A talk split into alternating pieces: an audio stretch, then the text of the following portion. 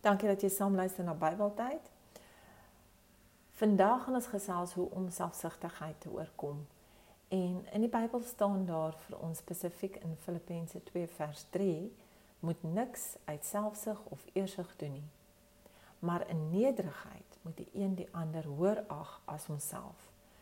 In Jakobus 3 vers 16 staan daar want waar daar naaiwer en selfsug is, kom daar wanorde en allerlei gemeene dade.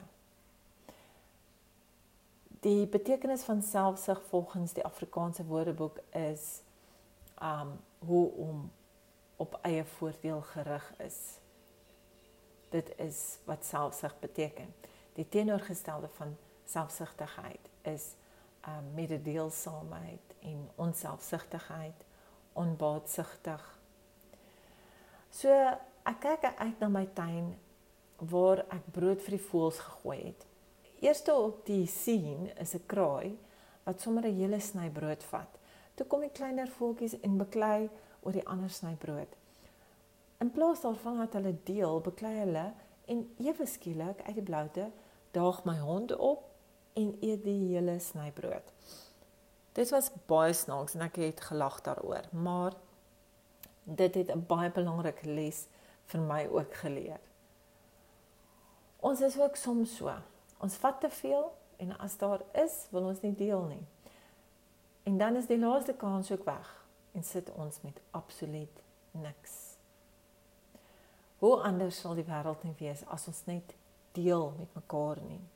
Selfsug is 'n erge probleem nog altyd. Meeste mense wil net hê vir eie gewin. Die uitdaging vir vandag: koop kos en deel dit met iemand op straat. Gaan kuier vir iemand wat hartseer is en deel jou liefde. As jy genoeg klere het en daar is wat jy nie meer gebruik nie, wees bereid om onselfsugtig te deel met die minder bevoorregtes. Lewe onselfsugtig. Wees mededeelsaam. Dankie dat jy vandag saam geluister het. Ek voel ons almal, ek het ook hierdie nodig in my lewe dit nodig om sulke goed net weer eens te lees, te hoor en volgens die Bybel te lewe. Totsiens.